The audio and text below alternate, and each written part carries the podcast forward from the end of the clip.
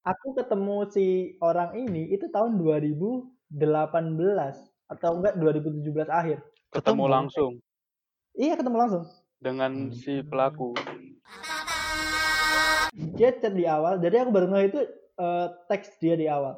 Dek, udah pernah, eh pernah nggak jadi model di sholat jenazah? Di Dia nge-fit call, dia fit call, asli. Dia ngepencet fit call itu sampai 10 kali. Itu terjadi sama orang eh, yang mungkin baru aja di cancel. Orang yang memiliki panggilan kesayangan dokter. Tahu? Hadi Pranoto ya namanya ya. Iya. Bagaimana proses transaksi jual beli obat itu aneh gak sih? Maksudnya Rat- Ratu Elizabeth kan barangnya ready nggak gitu?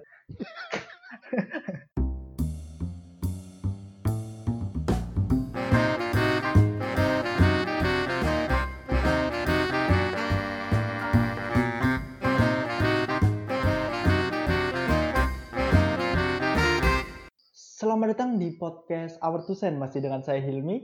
Saya Reza. Dan Juli di sini. Oke, Reza Semangat lemes banget banget nih. Mas Jul. Semangat karena Mas Jul kita lihat-lihat di instastorynya terbaru.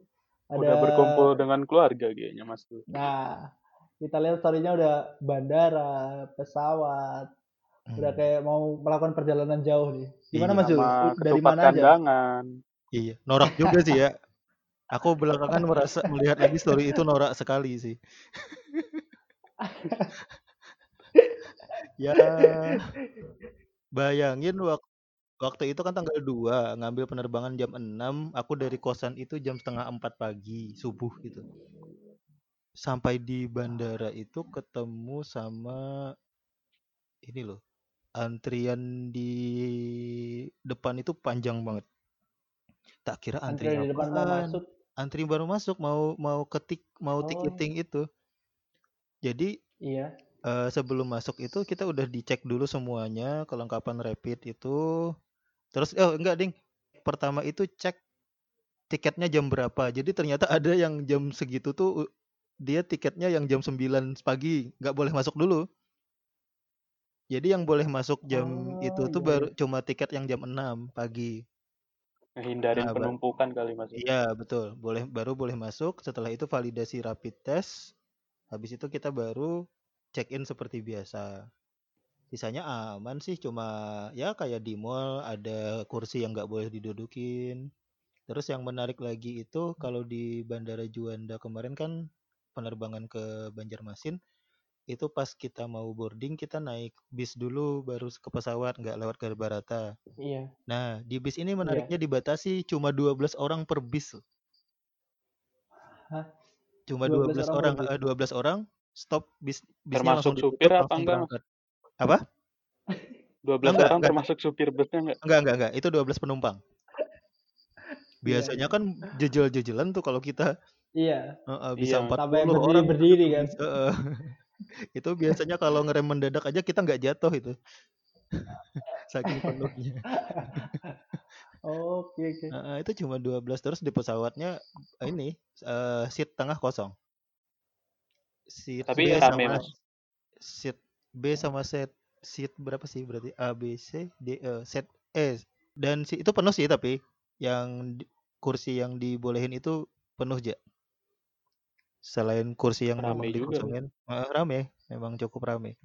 Si tengah kosong si tiga berarti. Kalau yang si dua, kan ada yang si dua kan itu. Nah, aku kemarin Itu kebetulan kan pakai yang bisnis, Bos. tiga seat dua-duanya. Oh. Enggak, kan Enggak, ada yang Les. tiga dua, ada yang tiga tiga ada, aja ada. biasanya aja. Heeh. Iya, ada yang tiga dua. Ini kemarin pakai yang tiga tiga sih apa? pesawatnya. Nggak tahu Boeing Ada berapa pesawat itu. kecil. Mm-mm. Ah, nggak apal si Boeing Boeing. Sama-sama Boeing juga kok, tapi Boeing berapa gitu. Kalau ke Oh, Jakarta iya, emang iya, kayaknya iya. tiga-tiga semua sih, Ja. Iya sih. Mm-mm. Aku kan pengalaman pesawat kecil terus. Apalagi di kayak misalnya ke Jogja, itu selalu pesawat kecil banget. Oh iya benar ke Jogja, ke Jogja itu bahkan baling-baling nggak sih? I- aku nggak Beda, tahu Mas. bedanya apa. Aku ke. Jogja naik kereta sih, Mas. Oh, aku sekali kemarin ke Kau kan Jogja. Citylink-nya baling-baling. mumpung ada iya lah. Pokoknya Citrilinya jelek banget serius aduh ini tiba-tiba kita mengkritisi Citrilli Enggak dong, itu bukan jelek maksudnya- dong. Emang kita nggak biasa enggak lihat aku aja. pernah Itu pesawat kecil aja sih. I- i- iya sih. Apa emang Ah, jelek? Jendelanya sih ya. Yang agak takut sebenarnya jendelanya. Bener-bener tak tak tak gitu. Apa itu? Bunyi. Enggak maksudku ah bunyi.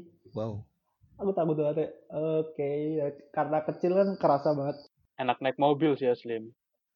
Enggak tapi jauh Jogja. Deket Mobil lah bisa- dari Surabaya. Bisa 5 sampai 6 jam. Aku biasa Jakarta Surabaya naik mobil. Ya udah sih, karena aku bukan driver jarak jauh kayak biasa. Eh, Oke. kalian- terus kalian sibuk apa? Terus kalian sibuk apa nih? Kalau Reza, kayak sibuk itu Reza. Kemarin aku sempat Thrifting. dapat dapat gak dapat WA dari Reza dia lagi itu hunting ikan lagi. Ikan. Di Jatinegara. Ramai banget lagi gimana gimana. Itu hitungannya sepi coba. ramai banget pak. Eh, itu nggak Itu- serame biasanya. Belum rame itu. Tapi kayak kondisi pasar, maksudku bener-bener berdesak-desakan. pertama. Nah, Terus satu penjual itu bisa dikerumunin berpuluh-puluh orang ngelihat ikan gila Reza. Itu masih pagi hitungannya, Mi, jam 12. iya. Tapi udah ramai banget jam 12. Emang Oh. maksudnya emang ada itu sale. Apa? Maksudnya eh midnight sale. Jam 12 malam ada potongan ikan berapa persen. Bukan dong. Kalau malam ikannya baru-baru dong. oh Ah, baru dateng. Baru turun. Oh, oh. Ah, kok baru turun? Turun Bukannya dari... ikan itu dari laut jadi naik ke darat?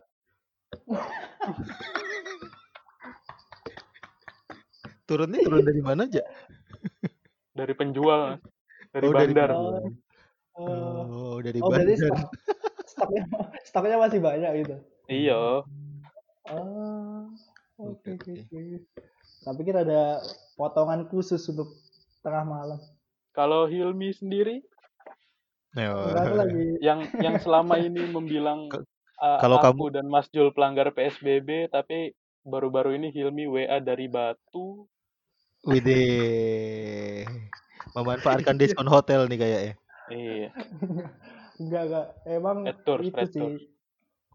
Enggak lah. Songgoriti Enggak, kemarin itu karena bener-bener Gang ya kan tahu sendiri ya. Astaga ngerti gang macan itu. Apa kemarin aku tanya pun gak ngejawab. Oh mau tak bacain dah? Enggak apa enggak apa. Aku gak Hah? ngerti serius. Gang macan. Gang macan itu apa? Pasti aneh-aneh ya wis lah itu jangan-jangan kayak itu ya doli ya iya seperti iya itu kan Kind of. aku Kind of. Iya. aku aku gak ngerti apa ya macam jadi kemarin itu karena ya wis, bosen banget lah rek di rumah ngapain gitu aku wis bener-bener capek banget apalagi Wah, dengan rutin mulai rutinitas ini. Mulai mengatasnamakan Mulai. kebosanan nih. iya iya padahal emang bosen hasratnya banget emang dia mau melanggar Iya. enggak kan emang udah gak ada peraturan itu PSBB dan gak ada pengecekan sama sekali sih selama ke Batu kemarin itu Oh iya? Hmm. bener-bener gak ada ah gak ada pengecekan berarti kalau ke. Surabaya aman aman harusnya emang konai penakut ke Surabaya gak berani Iya. Anak-anak udah pada balik juga ke Jakarta tuh kayaknya. iya emang si Reza ya ya kalau buat temen pada skripsian balik pada ke Jakarta Surabaya ya. ngapain aku balik ke Surabaya Mereka mau skripsiannya di kosan ya, biar fokus katanya. Enggak mas mereka hanya orang lemah Asik. iya sih ngap- ngapain juga skripsi di kosan ya Loh, bukannya Hilmi juga gitu rencananya? rencananya cuman, Nah. Eh, cuman kan deket maksudku kalau pulang-pulang kan deket kalau Jakarta kan ribet banget maksudnya pesawat masih ribet harus rapid kalau mau pulang-pulang juga ya mereka bener-bener ini kan apa namanya? Ah, apa sih astagfirullahalazim. Kalau pendiam sama introvert ya mereka kan ekstrovert murni. Udah Oh, nggak mungkin tahan ya. lagi. Udah nggak tahan. Maksudku introvert murni dosen- itu gimana dosen-dosen kan juga nggak ke kampus gitu loh nggak ada benefitnya juga ya nggak sih Ya kalau mereka di Surab- pengen sendiri. tapi kan mungkin Mungkin. seenggaknya bisa diajak ketemu mi dosennya walaupun di luar kampus belum tentu sih ya kalau dosennya mau iya sih eh tapi aku kemarin mau cerita ini oh iya kan Sebenarnya belum cerita ke pengalaman- Batu ya iya aku aku mau cerita waktu di jadi kan aku ke Batu bawa mobil lewat tol Oh, punya mobil. langsung ke Malang. Enggak gitu. Enggak, ini ini ceritanya soalnya berkaitan makanya aku harus menceritakan itu dulu. Batu apa, Mi? Batu Batu akik. aku eh, aku tadi pagi aku tadi pagi dengerin podcastnya podcast Mas. Habis itu Ah. Katanya ada pertanyaan soal bahasa Arabnya BNN apa coba katanya. Bahasa Arabnya BNN. Heeh. Enggak tahu. Mbak Nun Nun. Anu. Bahasa Arab. Iya sih benar-benar.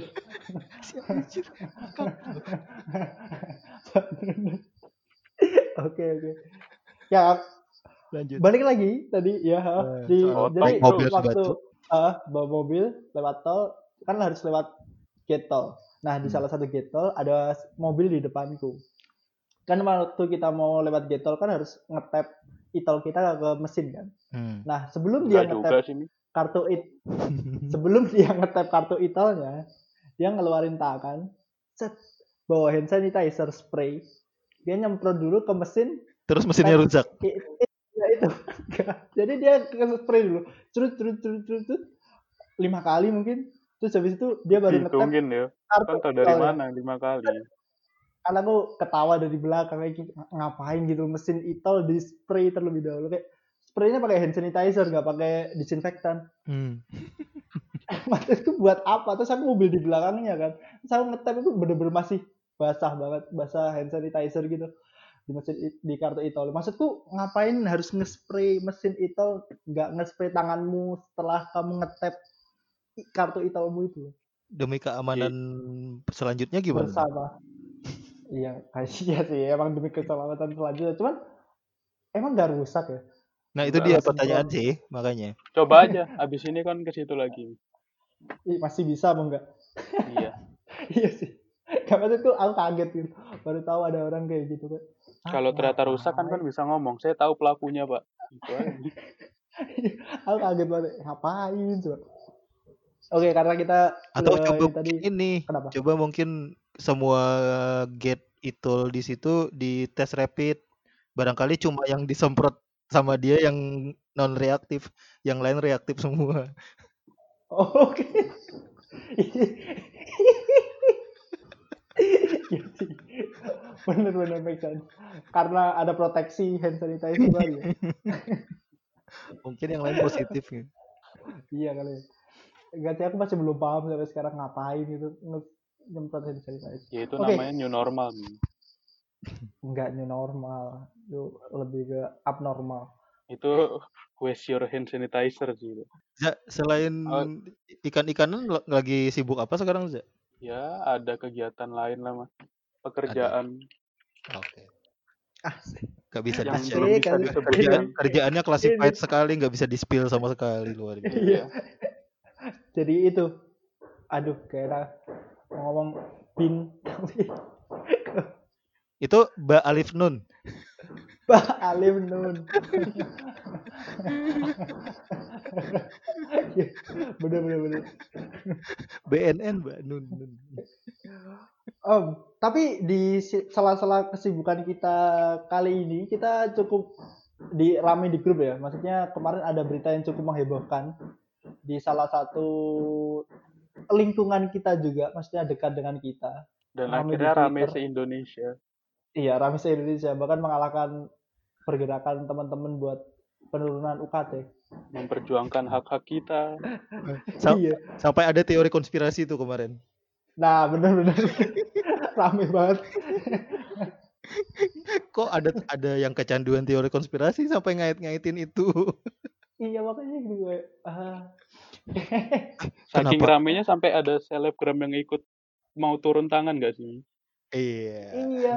Ada dasar emang lawyer. Ada ada. Saya kirim lawyer ya gitu. Hmm. Kok alah sih kan nih? Enggak, dia emang itu maksudnya tiap-tiap kasus kayak saya nggak Nah. mau ngomong ya, ngomong sampai lawyer aja. gitu. Hilmi cancel culture nih. Enggak, bukan cancel culture. Ini lebih ke enggak aku sebagai mungkin sebagai orang yang mempelajari hukum juga ya. maksudnya lebih baik menurutku kalau misalnya ada masalah jangan dibawa ke huk- bidang hukum terlebih dahulu sebelum ada obrolan kayak mungkin Emang lawyer namanya? pasti ke hukum. nggak pasti ke hukum sih cuman seakan-akan dia itu mempunyai backup yang benar-benar ngerti hukum pertama terus habis itu Oh. pasti itu ngebikin lawan buat berdiskusinya itu di posisi lebih rendah Hmm. iya nggak sih kalian Kalau mandang itu juga kalau lawannya bawa lawyer juga. tapi tapi lawan-lawannya itu pasti habis habis diomongin gitu mundur Hmm. benar-benar mundur terus ngelok akun dan lain sebagainya kayak nah ngelok akun. Yang menarik tuh ya itu tadi, yang konspirasi UKT sama kasus bungkus-bungkus ini. Eh, kok kasus bungkus-bungkus ini ramenya pas kita lagi perjuangan menurunkan UKT ya? nah Apakah- padahal kasusnya udah lama Iya. itu kecanduan konspirasinya kok keterlaluan. Masa elit global yang ngutus si bungkus? Ngapain eh, juga. kaget kaget juga sih cukup kaget juga kemarin eh, sempat ke blow up lagi maksudnya ada orang yang speak up lagi tapi kasusnya benar-benar baru di tahun 2020 kalau nggak salah chatnya bulan Juli atau Juni Iya. kalau ngelihat kan masih ya. corona kan konteksnya itu kemarin. iya konteksnya masih corona pertama Hmm. terus habis itu dia si pelaku ini sebenarnya udah pernah diintimidasi bahasanya sama teman-teman kita yang ada di kampus tersebut Hmm. setelah banyaknya kasus yang terjadi sejak tahun 2015 itu Hmm. sampai ada tahu nggak foto permintaan maafnya Tahu Oh yang dari papan. tulisan Ah. di saya papan mengaku tulis kecil bersalah itu. dan tidak akan mengulangi lagi aja kan? iya Iya, benar itu tapi doang. itu benar-benar benar-benar diintimidasi sama si itu anak-anak atas Hmm. kelakuannya itu sampai dia ngelakuin bawa si papan permintaan maaf Emang udah lama kasusnya ya sebenarnya ya? Sebenarnya udah lama kasus-kasusnya itu karena sebenarnya aku tahu si pelaku ini Kan tahu dari mana udah lama? Nah, aku tahu gini gini. Aku tahu si pelaku ini sebenarnya sejak maba. Sejak tahun berarti kita masuk itu 2017 ya. Hmm. Iya. Nah. Agustus 2017. Di tahun 2017 itu ada salah satu temanku kan aku suka berteman ya. Aku suka kamu suka berteman atau kamu suka dia ya? Ah, ini cowok berarti. Yo, yo kan Ya kan gak ada salah. iya sih. Iya sih gak ada salahnya emang. Seakan-akan aku homofobik enggak enggak. Cuma gini, em, karena ya itu tadi ada salah satu temanku dia ketemu sama aku datang terus cerita karena maba kan maba kan excited banget kayak wih ada kampus baru bla bla bla bla terus ada salah satu cerita di di fakultasnya dia karena kita beda fakultas itu ada salah satu maba di chat sama si pelaku ini di tahun 2017 waktu kita maba Hmm. Nah, setelah dia dicat karena fakultasnya dia ini emang fakultas yang terkenal eh, sering speak up juga masalah-masalah kayak gini dan juga orang-orangnya mungkin berani semua ya. Jadi dia menentang itu setelah dicat, terus ditelusuri ternyata korban-korban sebelumnya dia dan juga yang bareng sama dia di tahun 2017 itu banyak banget. Dan si temanku ini dapat screenshot chat-chat sama temannya itu dan juga korban-korban sebelumnya. Ditunjukin tuh di tahun 2017 waktu aku maba. Bener-bener, wih gila ada kayak gini gitu kan. Pas aku maba udah tahu kasus kayak gini dan itu belum ada eh, orang yang berani speak up kayak sekarang di tahun 2020 ini sampai rame dan pihak kampus baru tahu juga katanya iya Sebentar. katanya di pressnya kemarin gimana apa Tapi namanya? pihak Kok ini fakultas kamu juga itu nggak sih? apa aja? Baru Pihak tahu juga. nggak sih hitungan pas press release? Iya. Kemarin sih kayaknya cuma kayaknya sih gitu. Fakultas kayaknya baru kayak seakan-akan baru tahu. Aku nggak tahu sih ya. Kok seakan-akan baru tahu ya aku ngomongnya. ya? kalau kalau di press rilisnya kan baru tahu Iya baru Ah. tahu. makanya kita kita mengacu pada itu aja nggak usah Oh, Oke oke. Dan oke. macam-macam lah sangat iya menyayangkan hal tersebut. iya gimana Zul tadi mau ngomong Iya, kok kamu cerita seakan-akan bercerita soal orang ketiga ya, Mi? Bukannya kamu nah itu tapi beda beda waktu Oh, kamu sebelum atau sesudah itu berarti? Sesudah itu. Jadi Oh. itu kan maba 2017. Ini berkaitan sih sebenarnya ceritanya. Hmm. Di maba 2017 ini kan aku tahu ada orang kayak gini, pelakunya kayak gini, korbannya kayak gini, banyak banget. Namanya aku tahu, mukanya aku tahu, eh, modusnya gimana juga tahu. Di tahun 2017 pas aku maba. Tak kira tadi Nah. kamu menyamarkan dirimu. Enggak, enggak. Oh, itu enggak, ini enggak. emang emang beda waktu. Oke oke Nah, oke oke. 2017 kan udah ada cerita itu, udah ada udah tahu juga. Heeh. Aku ketemu si orang ini itu tahun 2018 atau enggak 2017 akhir. Ketemu Ketemu. langsung Iya, ketemu langsung. dengan si pelaku. Janjian mi. Enggak, enggak ada. Ngapain juga aku janjian. Kan sebelumnya enggak kenal. Aku cuma tahu dari cerita si temanku ini tadi. Ya kan barangkali mau kenalan. Enggak lah, ngapain? Ya kan gak ada salahnya kenalan. yang sama. Ah. Heeh. Jadi gini, eh, kalau berdasarkan pengalamanku kemarin itu di tahun 2018 aku daftar oprek di salah satu Acara kampus. acara ospek universitas. Oh. Kan itu harus di ke sekre BEM. Mm-mm. Nah, karena aku kan emang kalau ngapa-ngapain kan sering sendiri. Waktu itu di sekre BEM itu aku berangkat sendiri, gak ada orang sama sekali. Terus aku di situ kan banyak orang. Akhirnya ngobrol. Tadi katanya nggak ada orang sama sekali. gitu. Gak maksudnya aku sendiri, gak ada orang yang aku kenal sama sekali. Hmm. Terus ngobrol dong kayak biasa. Nah, ngobrolnya ini secara tidak sadar aku ngobrol sama si pelaku ini. Secara tidak sadar.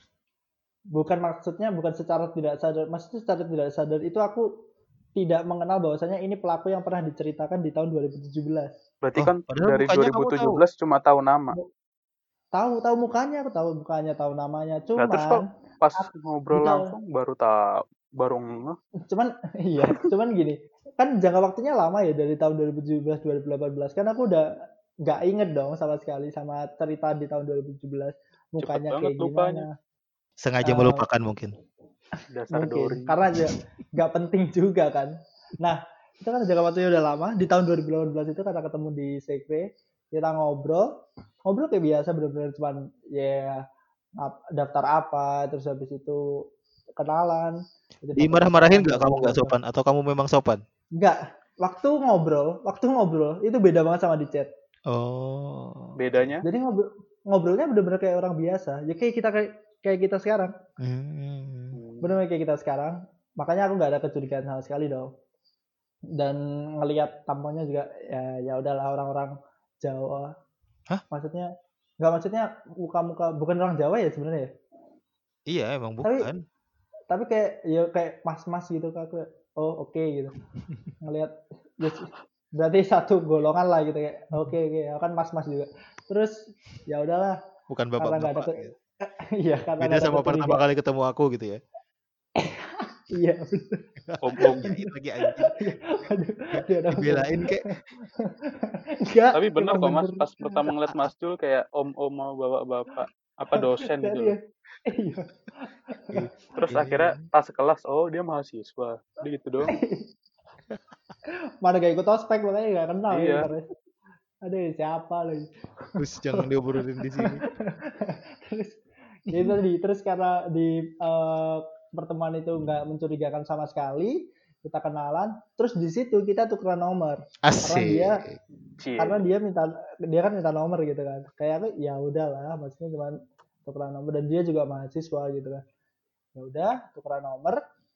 Udah tuh habis itu kan siang kebetulan. Udah selesai aku pulang ke kampus beraktivitas seperti biasa. Karena itu pas puasa masa-masa puasa kalau nggak salah Diajak karena aku bangun bangun buat sahur dong. Cie dibangunin pakai sayang. enggak bentar dulu. Ditelepon lagi ya. bentar bentar. Itu bangun pas sahur jam sekitar jam 1 atau jam 2 kalau nggak kalau nggak salah nggak tidur deh atau baru bangun. Terus di jam Nggak itu tidur tapi ngomongnya bangun sahur. ya pokoknya gitulah. Terus di jam-jam itu aku baru dapet chat.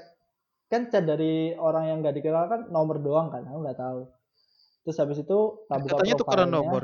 Apa dia cum apa cuma Dia yang doang. mi- oh, dia doang yang minta. Ah, dia doang yang minta Itu namanya kan ngasih nomor, ya. bukan tukeran nomor dong. Iya sih. ya udahlah Ya. pokoknya gitu terus habis itu di jam itu dia ngechat ngechat untuk pertama kalinya jadi aku buka profilnya dulu set oh namanya ini mukanya ini oh ini orang yang aku kenal tadi siang chat di awal itu Bukan Yang orang lebih- yang tak kenal tahun lalu gitu ya, bukan ya? iya bukan. Dia chat di awal jadi aku baru ngeh itu eh, teks dia di awal. Dek udah pernah eh pernah nggak jadi model di sholat jenazah? Kalau nggak salah gitu kalau nggak dek pernah nggak praktek sholat jenazah? Pokoknya antara dua itu. Intinya mengenai praktek sholat jenazah. Nah setelah dapet chat itu sadar dong aku soalnya ngelihat chat-chat di korban terlebih dahulu yang terdahulu di tahun 2017 itu yang ditunjukin temanku. Wah gila. Ini berarti orang yang diceritain di tahun 2017 dulu. Terus aku langsung ngechat temanku buat mengkonfirmasi si orang ini bener atau enggak yang diceritain di 2017 di Ah. jam di jam antara jam 1 sampai jam 2 malam itu. Chat konfirmasi ternyata benar iya benar dan itu kan berarti aku udah baca kan kondisi readnya biru dong centang biru dong di WA Mm-mm. nah karena aku nggak balas karena aku nunggu konfirmasi dari temenku dulu Di dia nge-fit call Asik. fit call. Asli dia ngepencet fit call itu sampai 10 kali. Asik. pertama itu pertama itu nggak tak jawab karena aku biasanya benar-benar tak tunggu sampai selesai gitu kan. Sampai selesai itu dua kali.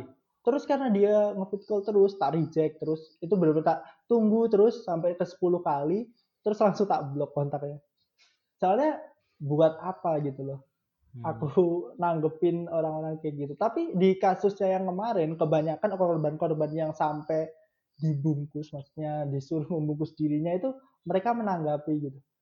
Itu kenapa aku belum tahu. Maksudnya eh, menurut kalian sendiri nih, kenapa orang-orang itu sampai sebaik itu, entah sebaik itu atau sepolos itu menanggapi hal-hal yang sebenarnya udah janggal di awal, Nah, bahkan itu. oleh strangers. Mungkin Ah, mereka gimana? awalnya nggak ngerasa curiga kali. harusnya curiga loh normally ya. Iya, makanya itu. Mas, ya tapi maksudku eh, kita ngobrolin itu kan dari sisi kita yang bukan korban atau berhasil tidak jadi korban ya. Iya.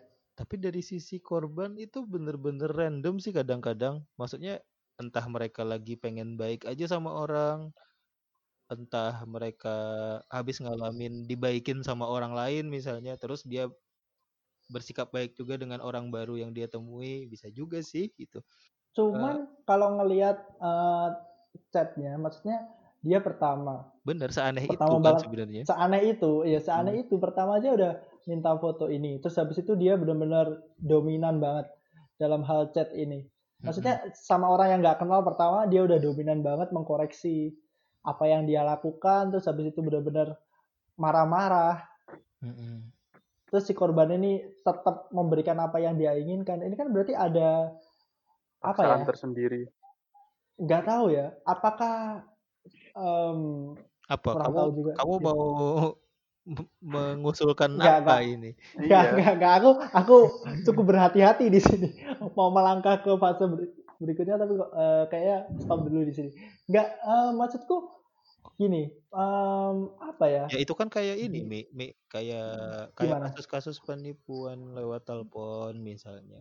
Kan yang gitu-gitu juga secara secara secara ini kan udah clear ya itu penipuan misalnya. Tapi kan korban itu ya ada-ada aja. tapi kalau penipuan itu nggak seagresif itu mas Hmm. kalau penipuan telepon kan pasti dia pertama mungkin memperkenalkan dari pihak yang akan memberikan hadiah iya. dia benar-benar persuasif persuasif kan dia modelnya Mm-mm. benar-benar ibu selamat gini gini gini tapi karena ibu mendapatkan ini ibu harus membayar dulu nominal sebesar sekian nah sedangkan di kasus ini dia itu dari awal udah agresif banget benar-benar dominan juga di chatnya maksudnya Hmm. kamu harus ngikutin apa yang aku minta bedanya Iya. di situ sih sebenarnya Hmm. Aneh sih. Tapi Satu satu ya itu tadi aku masih masih membuka kemungkinan orang-orang emang random ya. Eh, kita tidak tahu apa yang dialami orang-orang itu gitu. Yang kedua kita kita ngomongin ini aku takutnya kita victim blaming sih. hmm iya benar Hmm, bisa di, Agak di- takut ke iya. situ juga sih maksudnya. Gak tahu nih tiba-tiba podcast our two sen kok victim Hmm. blaming. Iya iya iya sih betul juga. Cuma ini mungkin kita di sini itu memberikan apa ya? Gak memberikan edukasi terlalu berat tanggung jawab itu untuk Iya, kita. sudut pandang lah Maksudnya ya. sudut pandang lah ya. Seharusnya kita bersikap dengan strangers yang melakukan hal seperti itu seperti apa. Kadang itu karena targetnya kebanyakan itu mahasiswa baru ya. Kalau dilihat dari korban-korban yang sempat ramai kemarin itu mungkin ada kecenderungan bahwasannya mereka itu di posisi lebih rendah dibanding si pelaku ini. Jadi mereka ingin melakukan perlawanan itu seakan-akan karena kita budaya Jawa juga, budaya Timur yang biasanya diagung-agungkan oleh boomers kayak Mas Jul, itu selalu ngomong sopan santun harus dijaga, nggak boleh melawan perlawanan dan lain sebagainya juga. Apakah itu juga berpengaruh sama uh, perlawanan yang seharusnya diberikan oleh para korban ini? Satu, aku bukan boomer. Iya. Dua, aku Hilmi main sebut-sebut Mas Jul Boomer. ya aku menekankan di boomer aja tadi. Gimana Mas? Ya bisa jadi itu sih, karena kan si pelaku juga mengakui kalau dia memainkan soal huruf D di BDSM kan, dominan itu kan. Iya benar. B-nya juga sih. B-nya tuh apa B sih? dan D. Aku lupa. Bondage. Oh, bondage. Hmm. Tapi kalau menurutmu sendiri gimana, Res? Apa? Mengenai itu tadi.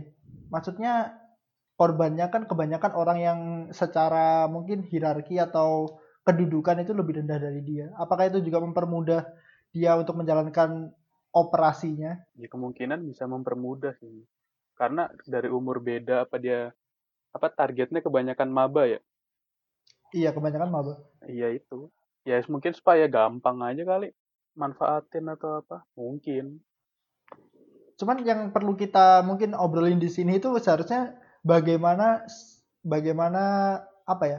Maba ini bukan maba secara spesifik, cuman secara general orang-orang yang kedudukannya berada lebih rendah, Rendah dibanding dari nah, Iya, si pelaku mungkin yang akan melakukan hal lain, nggak cuma si orang yang kita omongin sekarang bertindak. Maksudnya seperti apa sih seharusnya kita bertindak jika kita berada di posisi itu? bertindak dalam hal apa? Bertindak dalam hal itu kayak gini. Kalau aku tadi ya, karena aku hampir menjadi korban. Aku kan langsung ngeblok di chat awal. Karena udah ada indikasi Dong, ini kamu orang udah ngeblok di video call ke 10 dong. iya sih, cuman aku mengkonfirmasi di chat awal Iya sih, ya. oke oke. Iya, mengkonfirmasi itu di chat awal bahwa ini aneh nih, nggak bener nih. Makanya aku langsung melakukan tindakan blok.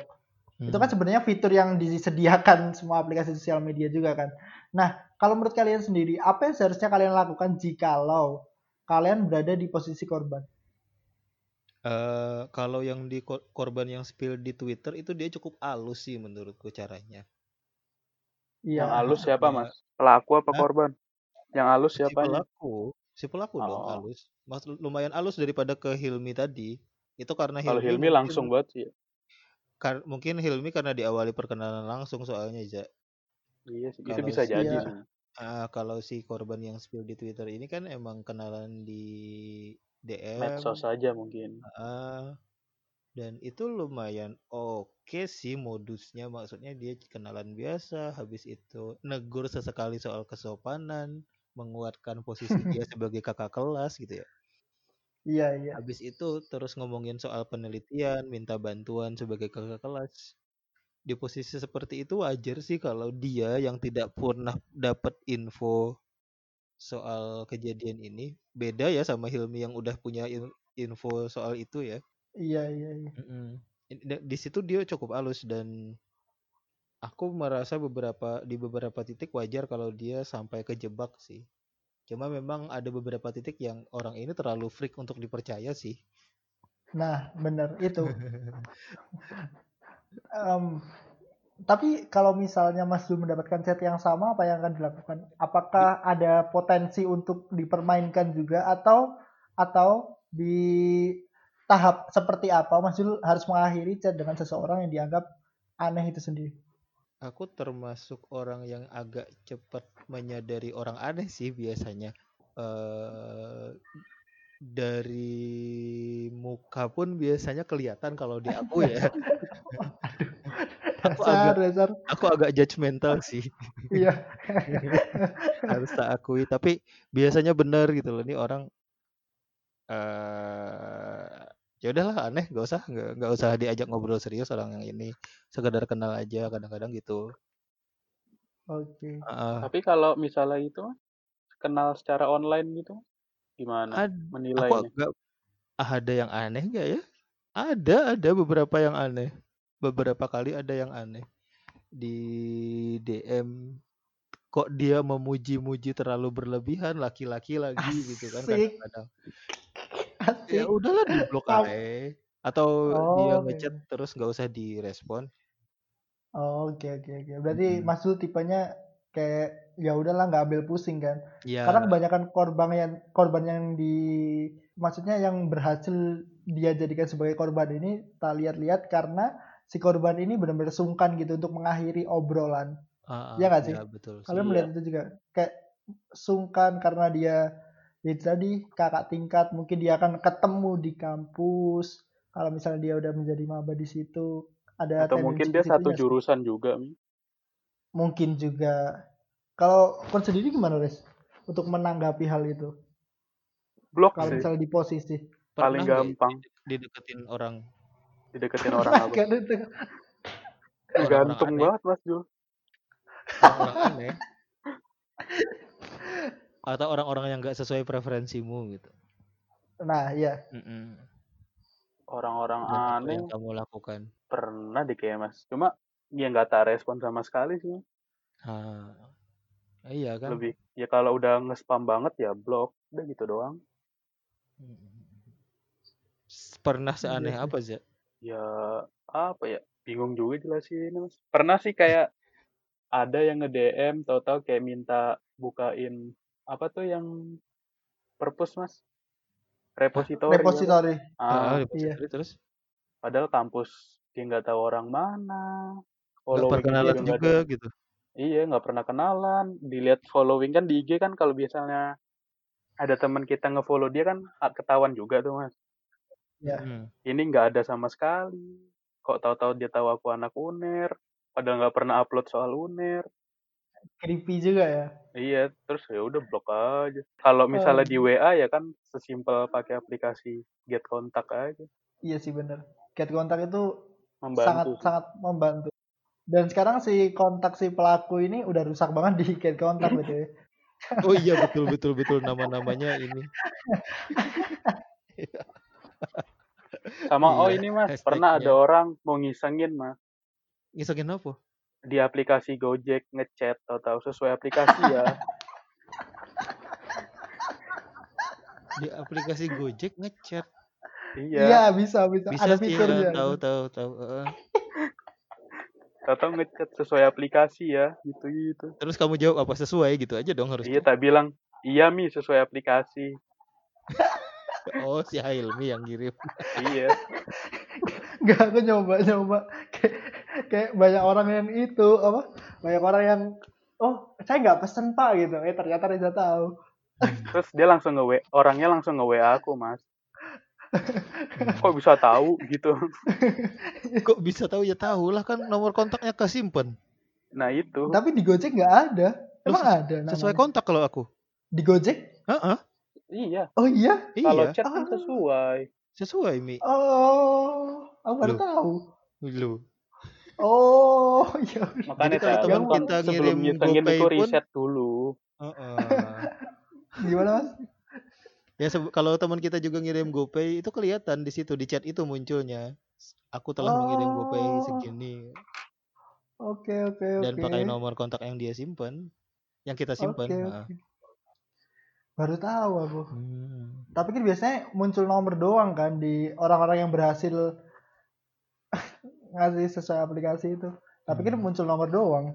Karena riset itu penting. BTW, BTW selain selain fetishnya si pelaku ini bisa kita lihat juga soal ininya loh, preferensi karakter korbannya loh kayaknya loh ya. Kok kayaknya se Gimana setipe maksudnya? kayak kok kayaknya setipe gitu. Orang-orang korban-korbannya ini dari perawakan selain dia maba tadi ya dan di angkatan di bawah dia gitu ya. bentar. Perawakan dalam hal apa ini? Kok kayaknya satu tipe pada kurus-kurus gitu loh. Tak lihat-lihat. ya. Oh. Heeh. Soalnya gini Mi, aku kemarin sempat cerita di salah satu grup, grupku lah. Ah, terus aku cerita di anak podcast ada satu orang korban, ah, eh hampir korban loh tak bilang gitu kan. Terus si temanku ini juga bisa jawab langsung, langsung nebak. Si Hilmi ya mas gitu, digituin sama dia. Soalnya kalau Reja kat- kayaknya susah dibungkusnya katanya. Tapi kalau emang lihat dari foto-foto yang di Twitter itu iya sih mas. Iya kan? Heeh, maksudku Iya. kan kelihatan kan tipenya. Seperti orang normal juga kan kan kita, kita tiap kita kan punya tipe kesukaan gitu ya. Sepertinya tipenya sih. mungkin tipe-tipe kayak Hilmi mungkin ya. Atau mungkin mukanya Hilmi waktu itu polos juga sih. Kayaknya Ya, enggak masih deh kalau maba. kamu. Iya. I- iya sih mungkin. Ya mukamu tetap polos Mi sampai sekarang pun Mi. Aku nggak ngira kamu seliar ini waktu pertama kali kita kelompokan. Seliar ini. Ya sampai sih. ngomongin soal Tuhan segitunya gitu Ah. Soal agama. Berarti pintar berkamuflase ya. Eh Justru bahaya nggak sih mas orang kayak Hilmi? antara dia pintar berkamuflase atau dia tidak bisa mendadadi dirinya sesuai isi otaknya sih. Nah itu sih. Tapi gini, kalau misalnya aku misalnya aku menunjukkan itu sesuai dengan isi otakku, apakah itu tidak berbahaya? Maksudnya untuk mungkin branding diriku sebagai orang yang dikenal orang lain seperti apa di awal ketemu. Ya kalau kata Uus ya real aja, we. Uus. Kamu tidak real. Gak gitu. Cuma Referensinya kan Uus lagi anjir. waktu waktu awal-awal ketemu Mas Zul kan juga nggak terlalu kenal kan. Iya nggak sih? Mm-mm. Baru pertama kelompokan juga kan. Iya. Iya sih. Ini siapa Mungkin sih? karena- Abiyu, Abiyu. Mas Jaki nyebutnya Abiyu, Abiyu. Tadi kalau misalnya bahas masalah apa preferensi yang orang-orang yang dijadikan korban, tapi kalau masalah badan mungkin bisa ya. Tapi kalau eh, soal tipe orang yang akan dijadikan kayaknya random deh. Soalnya gini, dia kan ngambil korbannya dari sosmed. Yap. Pertama. Mm-mm. Nah, itu kan nggak bisa dijustifikasi orangnya seperti apa juga kan. Cuma ngelihat dari perawakan, kalau kurus mungkin aku bisa mengkonfirmasi itu. Mungkin bisa dilihat dari sosial medianya. Kalau misalnya tipe orangnya seperti apa, kayaknya random banget. Ya nggak sih? Hmm, Oke. Jenis muka gitu random ya? Kayaknya sih random. Hmm, Oke. Soalnya kayaknya aku ngelihat mukaku beda deh sama itu. Ya beda. Enggak mas, maksudku kalau misalnya sama kan Aneh. bisa kelihatan satu bukan bukan sama sama total satu tipe gitu tapi beda banget Hmm, iya sih. Oke, oke. Kita nggak sebagai cancel culture kayaknya mandiri men- ngomongin ini doang nih kayaknya nih. iya 44 menit. Tapi ini bisa nyambung sih di cancel culture. Maksudnya setelah kejadian ini apakah seharusnya kalau misalnya dia mungkin berubah? Tapi kayaknya enggak deh kalau berubah. Tapi nggak menutup kemungkinan juga dia akan berubah. Apakah kita tetap harus mengingatkan kejadian ini atau enggak Seandainya cancel culture ini kan sebenarnya soal seandainya seseorang si dia ini meskipun kelakuannya seperti itu, dia punya karya. Apakah Bisa, karyanya serta merta Harus harus, tidak diterima, Heeh, harus Iya. dikaitkan dengan kelakuannya gitu. Kalau cancel culture kan soal itu ya sebenarnya ya. Iya soal itu juga. Tapi soal pendapat juga sih biasanya. Maksudnya Mm-mm. biasanya orang-orang yang di cancel itu pendapatnya benar-benar udah nggak valid lagi. Mau Mm-mm. dia berpendapat seperti apa pun itu. nggak didengerin sama sekali lagi gitu ya. Iya. ah.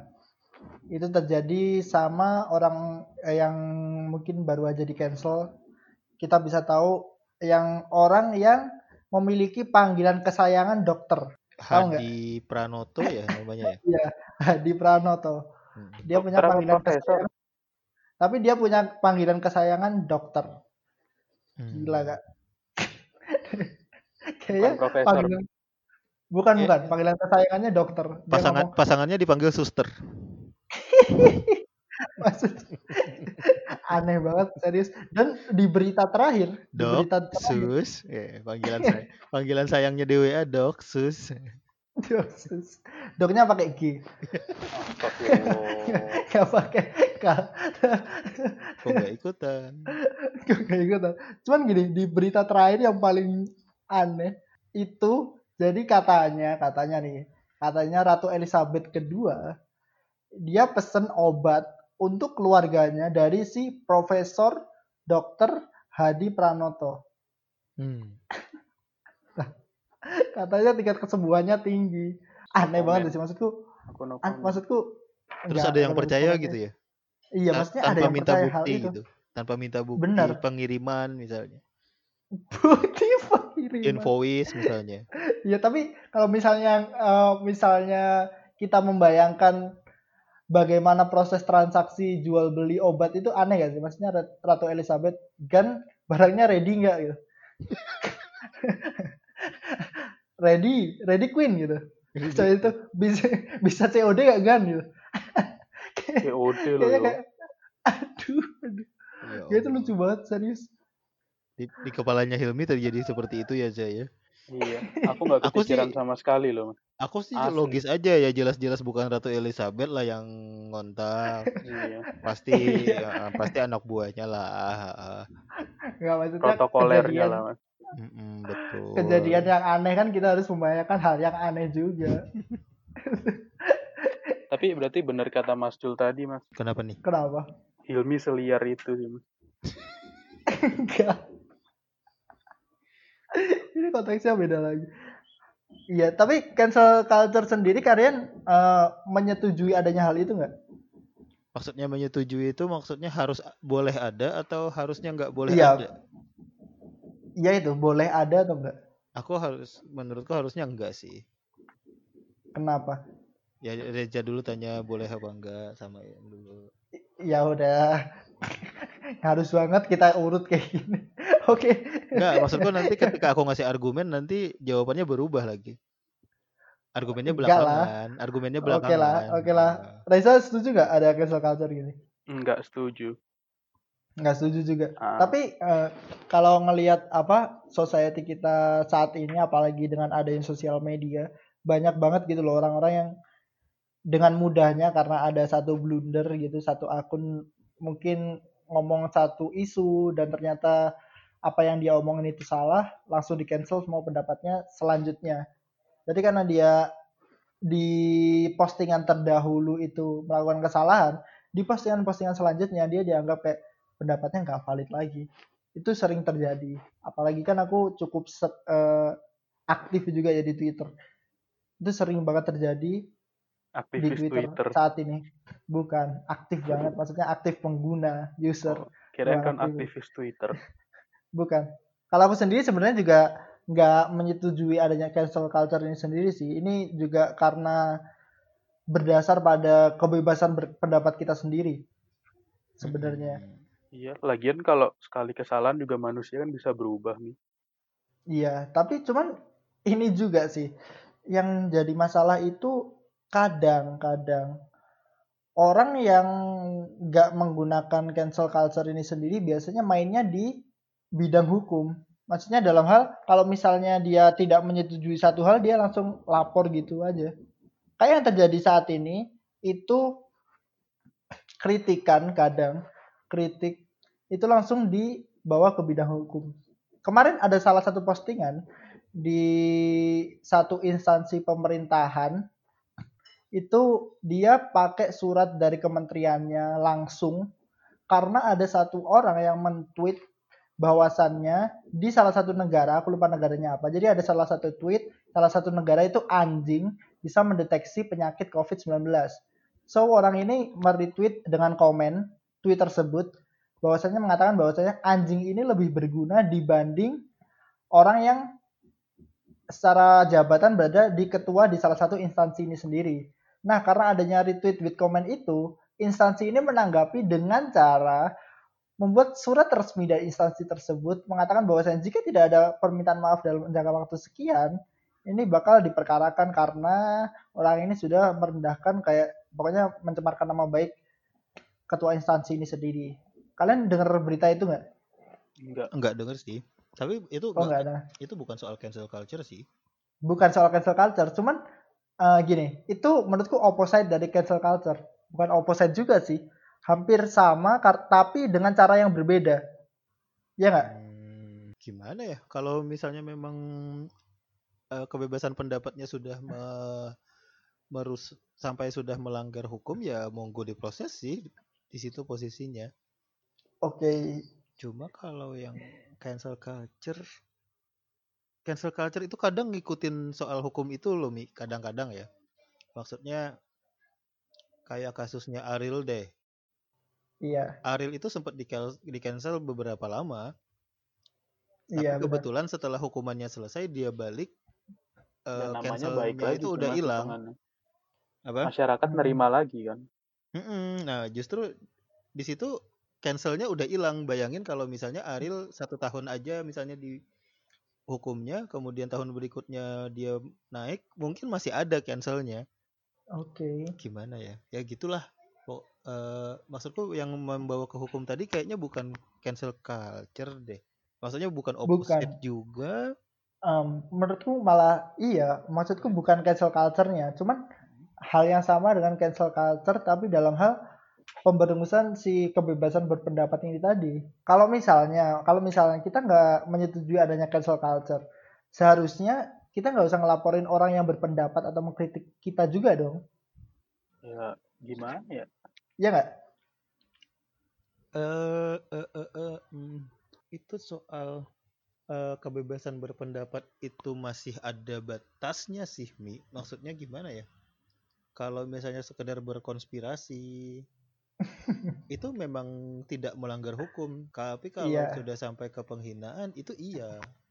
Oke. Gimana ya? Cuma Iya, iya, memang tahu, ada ada ada kadar ada orang- orang-orang itu berbeda di kadar dia merasa terhina titiknya di mana. Nah, iya benar-benar. Hmm. Tapi Itu juga dari tapi ketika Hmm. merasa terhina memang hukum sudah memberikan jalan dan itu legal iya. untuk digunakan. Tapi itu eh, rawan banget dengan adanya karena penafsirannya itu tadi sih. Maksudnya tiap orang kan berbeda level ketersinggungannya. Maksudnya dia merasa dihina itu di tahap mana. Karena itu kan mengakomodasi orang-orang yang mudah tersinggung juga adanya hukum itu. Mm-mm, sih, iya sih. Iya kan? Mm-mm, Cuma kan di pasal itu pasal pasal penghinaan itu punya pasal pasangan mi. Gimana? Satu, Anak pidana nih. Mm-mm, karena pasal itu sebenarnya bergandengan dengan pasal lain yang menyatakan bahwa apabila yang dituduh menghina bisa membuktikan satu bahwa yang dia sampaikan adalah fakta, dua dan fakta tersebut penting diketahui oleh umum, maka dia akan dibebaskan dan jika fakta tadi menjurus ke pidana, orang yang melaporkan yang akan dipidana. Oke, oke, oke, gitu. Jadi misalnya menuduh si A itu membunuh gitu. Si A tersinggung sampai di situ Terus, Mas? misalnya enggak nah, terus ternyata dia bisa punya bukti untuk menyatakan kalau itu atau misalnya bilang penipu aja deh. Si ini penipu. Kan tersinggung nih si A-nya nih. Iya. Nah, kalau dia bisa membuktikan si A penipu dan keduduk dan status si A sebagai penipu ini penting diketahui umum, maka si yang bilang penipu ini itu bisa harus bebas. Justru si A yang harus dihukum. Orang yang melaporkan. Oke, oke. gitu. Jadi pasal pasal-pasal di pidana itu harus dilihat secara komprehensif begitu gitu loh. Oke, weh. tapi dalam hal ini kalau misalnya eh, kita ngelihat budaya-budaya negara lain ya, kalau misalnya kita mengkritik suatu pemerintahan, kalau kalau dalam hal ini memposisikan diri, aku lupa ini kutipan siapa. Jadi kalau misalnya kamu sudah menjadi seorang pemimpin dalam hal ini karena konteksnya waktu itu presiden, itu kamu udah nggak usah berhubungan lagi sama penghinaan-penghinaan ini, kamu berhubungan cukup dengan Tuhan. Aku lupa ini kutipan siapa tapi ini benar-benar bagus banget sih. Aku dulu pakai ini waktu debat soal em, pasal penghinaan presiden. Hmm. semuanya keren banget. Pokoknya gitu jadi kalau misalnya kamu udah menjabati menduduki satu jabatan tertentu yang mana itu berhubungan dengan kemaslahatan umat banyak maksudnya masyarakat kamu berhubungan dengan kesejahteraan mereka juga kalau misalnya kamu dikritik ya itu udah wajar gitu. dalam hal apa pun itu sama dengan halnya ya konspirasi tadi karena kita sebagai orang yang mengawasi kalian bekerja yang menduduki jabatan itu yang seharusnya melayani kita itu wajar kita punya kecenderungan curiga dengan kalian tidak melakukan kerjaan dengan sesuai tidak sesuai ekspektasi kita melakukan hal-hal yang sebenarnya hal yang wajar kita curiga dengan hal itu Ini Iya kayaknya nggak? hal yang berbeda nggak sih? hal yang berbeda benar Heeh, maksudnya pasal soal penghinaan tadi personal dengan pasal penghinaan orang yang punya jabatan itu standingku sendiri itu berbeda dan pasalnya memang berbeda. iya iya iya iya. K- Hmm. Kalau soal pejabat publik dihina, aku ikut pendapatnya Fahri Hamzah justru. Yang me- itu Yang harusnya itu tidak ada. iya ha. Heeh, maksudnya ya rakyat wajarlah mengkritik, wa- rakyat wajarlah sampai menghina. Mungkin hidup mereka lebih pedih gitu kata Fahri Hamzah. Gara-gara kita yang saat ini memimpin. Terus dengan begitu, dengan mengeluarkan emosinya, mungkin dia sedikit lega. mungkin kali ya. Heeh. Iya sih. Terus mungkin kita karena pembahasannya terlalu jauh tadi melebar ke pasal Penghinaan. penghinaan. Heeh. Iya. Kita balik lagi cancel culture yang sempat rame tadi si Profesor Dokter Hadi Pranoto karena dia rame kan karena kemarin ada salah satu videonya mengenai penemuan obat COVID-19. Dia nyebutnya antibody channel- nggak sih? Aku lupa. Obat deh kayaknya. Iya, Obat tadi antibody. obat antibody kalau nggak salah gitu. Oh, obat antibody dua-duanya.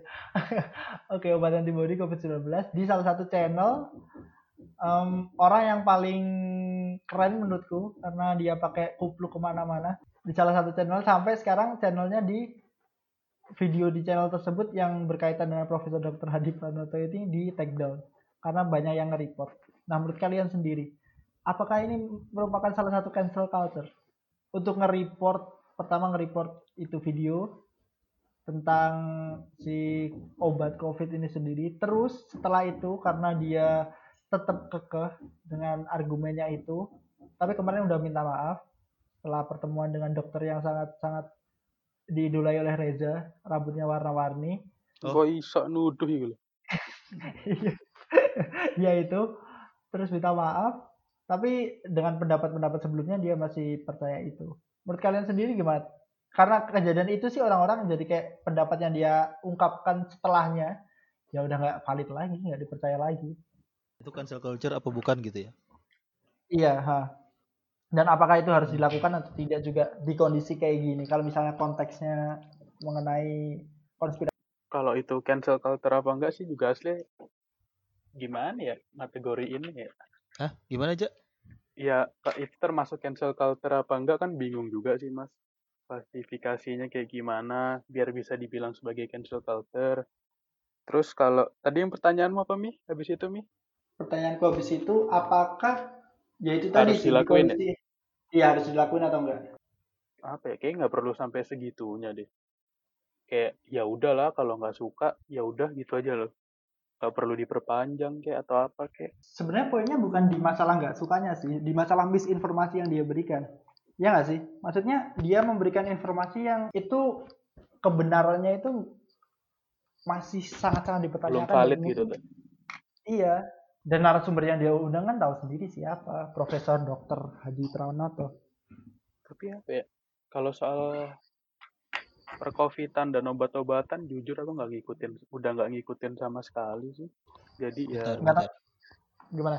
Cancel culture ini sebenarnya definisinya gimana dulu sih ya? Aku aku ngerasanya ya. Aku ngerasanya itu cancel culture itu ketika kita melakukan kesalahan. Terus kesalahan itu berimpact pada eh entah pendapat kita atau karya kita selanjutnya. Bukan di bukan di karya atau pendapat kita waktu kesalahan itu gitu loh, Mi. Jadi posisi yang yang ini ini se- sebenarnya sedang hukuman untuk kesalahan yang itu gitu loh. Kesalahannya itu. Be- perkara dia nanti punya karya lagi misalnya harusnya tidak ditolak mentah-mentah. Ketika karya selanjutnya atau pendapat selanjutnya ditolak mentah-mentah, di situ Itu cancel baru culture cancel culture terjadi. kan? Aku ya Ah. menurutku gitu ya.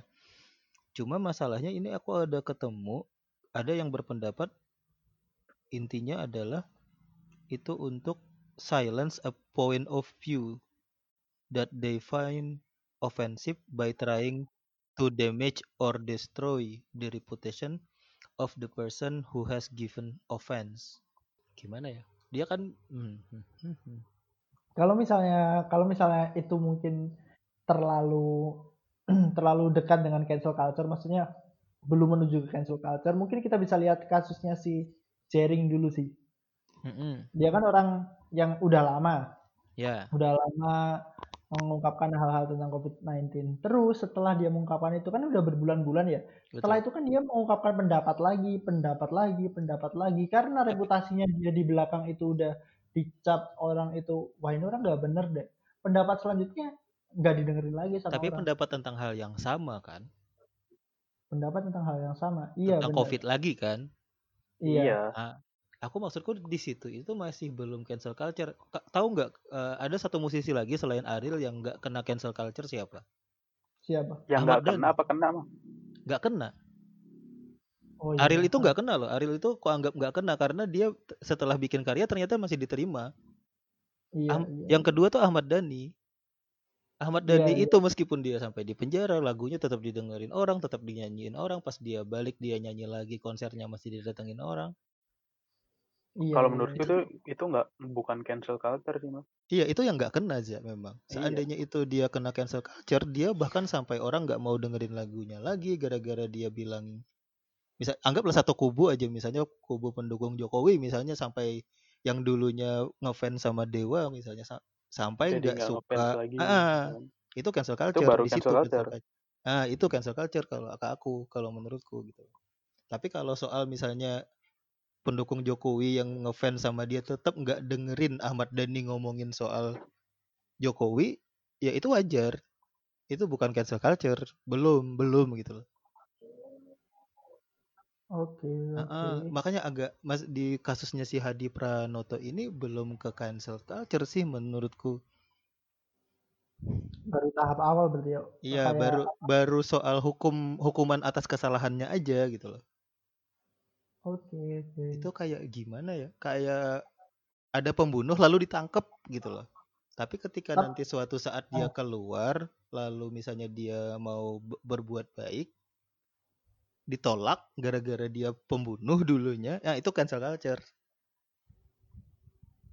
Tapi kalau balik lagi ke pendapat kayak si dokter rambut warna-warni ini, dulu sebelum sebelum dia Nah, iya tuh dia sempat kena tuh cancel culture tuh. Kasus kasus kasus Holy masker di Holy Wings. Nah, Ah, ah. sebelumnya kan dia ngasih edukasi banyak banget soal COVID-19. Mm-mm. Dia didengerin tuh sama orang karena dia kan menganggap Betul. dirinya sebagai influencer. Mm-mm. Dia didengerin, oh ini bagus nih dokter ini udah ngasih edukasi ke kita gini-gini. Kasus Holy Wings terjadi, setelah itu pendapatnya benar-benar udah nggak valid lagi menurut orang-orang. Karena dia memberikan edukasi, tapi dia melakukan pelanggaran yang dia mat- apa pelanggaran atas edukasi yang dia berikan gitu. Nah, itu cancel culture justru karena yang dihuk apa namanya? Gimana ya aku jelasinnya? Karena pendapatnya tetap benar loh, edukasinya tetap benar loh gitu loh, Mi. Sementara yang pendapat si Jering sama pendapat si Hadi Pranoto itu tetap salah, tetap memang tidak valid gitu loh. Pendapat si Dokter Tirta itu valid, tapi tidak ini tidak integritas eh, tidak integri apa sih? Tidak koheren sama kelakuannya aja gitu loh. Oke oke. Ya kan?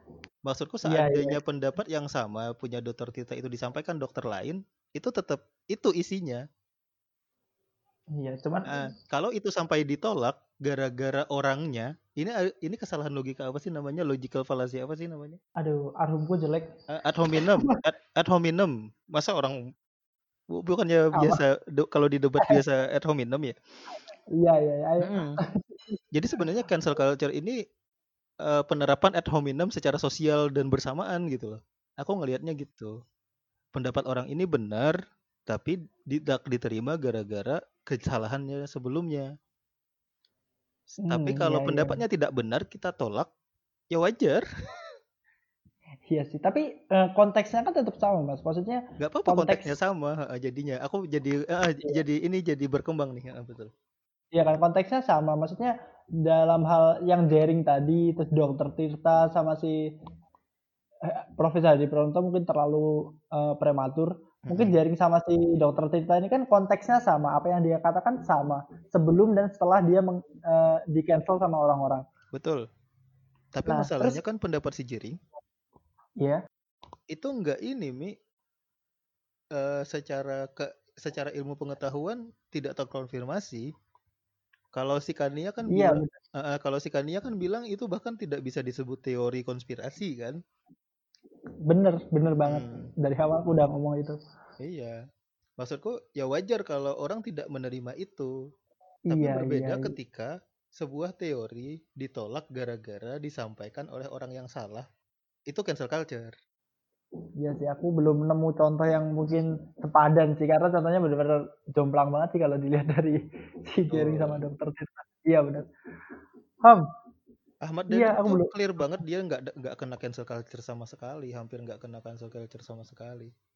Orang-orang tetap komen bagus soal musiknya ketika dia dihukum gitu loh. Iya, Bahkan banyak yang ngomong soal ah kenapa ikut politik sih musiknya bagus gitu, tetap gitu loh. Iya benar. Emang musiknya bagus, tapi kiprahnya di politik tidak terlalu bagus. Ya itu preferensi kalau Ya, yang itu kan karena ya memang politik doang kan. Iya, iya sih. Cancel culture kayaknya aku belum nemu contoh yang Yang sepadan kayak si yang kena yang kena cancel culture mungkin si Ahok sih. Tapi iya benar. Cuman gini, kalau misalnya kasus Ahok tadi, apakah itu nggak sama kayak kasus yang disampaikan Mas Zul soal Ahmad Dhani berpendapat soal Jokowi tadi? Gimana maksudnya? Mas Zul kan tadi ngomong, si Ahmad Dhani ini walaupun sekarang berpendapat soal Jokowi, ya tetap nggak didengerin sama orang yang mendukung Jokowi. Mm-mm. Nah, si Ahok kan di posisi yang sama tuh. Dia mau berpendapat apa pun sama orang yang dulunya membenci figurnya dia, ya tetap nggak didengerin. Eh, eh, eh, eh, eh, eh, mana ya? Ya sih, Masa udahlah. jatuhnya itu doang sih mas? Cancel Iya. culture bagi sebagian orang doang. Eh, eh, eh, intinya sih cancel cul- culture tadi ya gitu, ketika ada sesuatu yang baik, yang benar ditolak karena kesalahan masa lalu gitu doang sih. Berarti Ahmad Dhani bisa dibilang cancel culture juga dong. Kalau misalnya Ahok diomong cancel culture juga. Di pendapatnya soal hal-hal tertentu. Di pendapatnya, bukan di karyanya. Emang karyanya emang Aku agak bingung sih kalau soal pendapat sih, bener sih. ya. Aku aku bener-bener ngelihat itu soal karya sih. Iya. Nah, soal karya. Dan kalau soal dokter Tirta tadi, eh, pendapatnya soal kedokteran itu bukan pendapat sebenarnya, ya itu ilmu pengetahuan di kedokteran gitu loh yang disampaikan. Bukan beda sama ketika itu di politik ya di politik itu hampir nggak ada ilmu pastinya kan. Iya, iya. Mm-mm, Makanya ketika menjelaskan yang di politik agak susah. Iya. Cuma kemarin sempat agak kecewa sama si ini apa Ahok kemarin kalau nggak salah itu sempat melaporkan orang karena pencemaran nama baik. Si Ahok, Dengar sempat dengar berita itu nggak? oh nggak nggak dengar aku. Aku harus mencari sumber terpercaya nih agar bisa itu posisi dia sebagai pribadi atau posisinya sebagai siapa sih? Dia sekarang BUMN ya? Iya, eh, di Pertamina kalau nggak salah. Mm.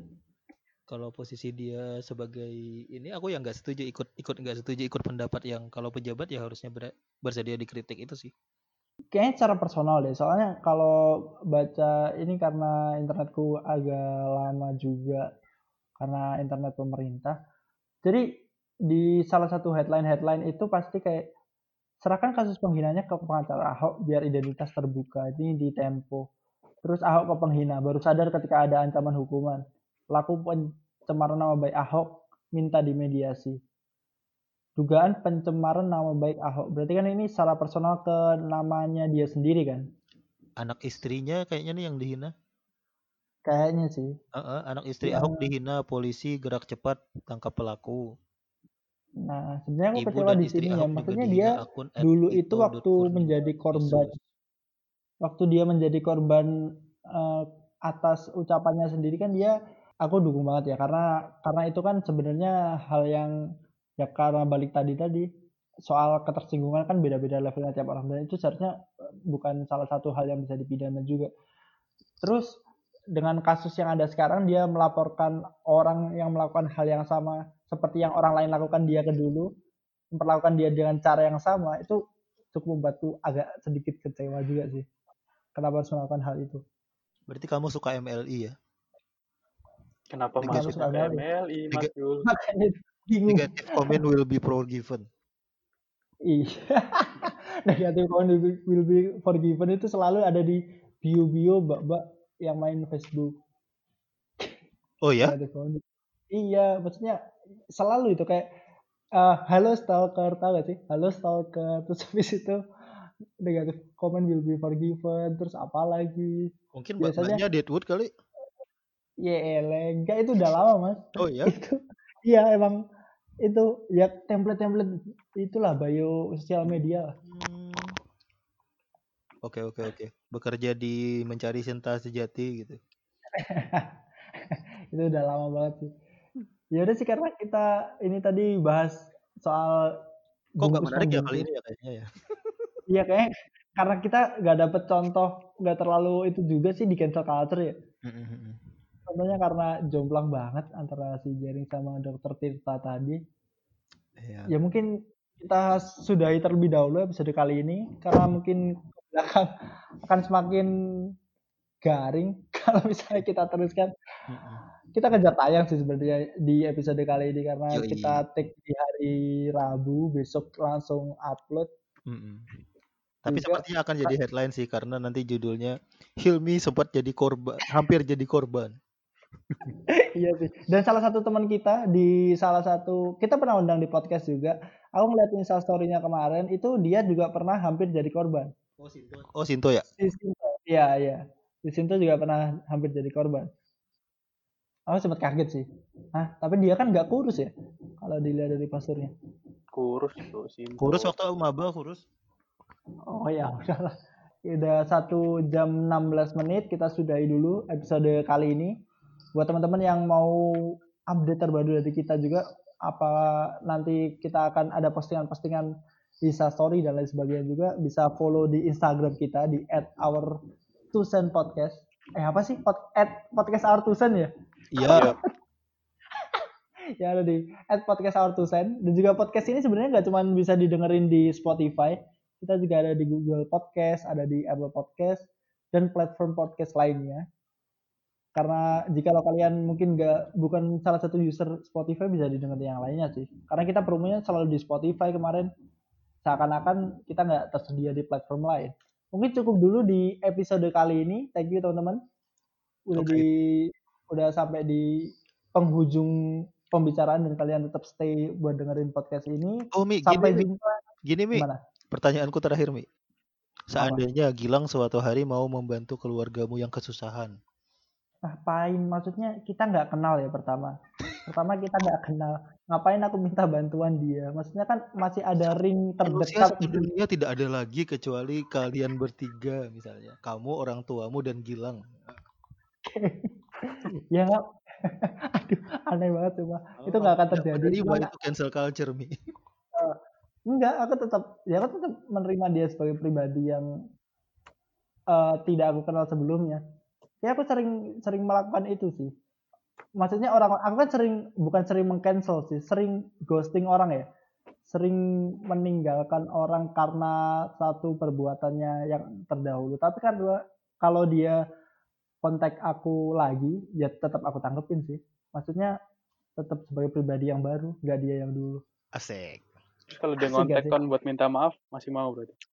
iya masih mau Oke, semoga Tapi ya- ketemu lagi, semoga semoga dia berbaik, semoga dia sembuh gitu. iya semoga sih Sembuhnya dari fetis, se- se- sembuhnya dari melakukan itu ke orang yang tidak sukarela ya. iya benar Mm. karena ya itu tadi dan juga itu sebenarnya menciderai pergerakan teman-teman juga yang kita kan sebenarnya mau bukan kita aduh aku salah ngomong gak jadi ya gak jadi ngomong oke kita tutup kita tutup dulu asli aku takut banget eh tadi aku mau set eh gak jadi ya Oke, lagi. tutup aja. Bye bye. Assalamualaikum warahmatullahi wabarakatuh. bye dadah Waalaikumsalam.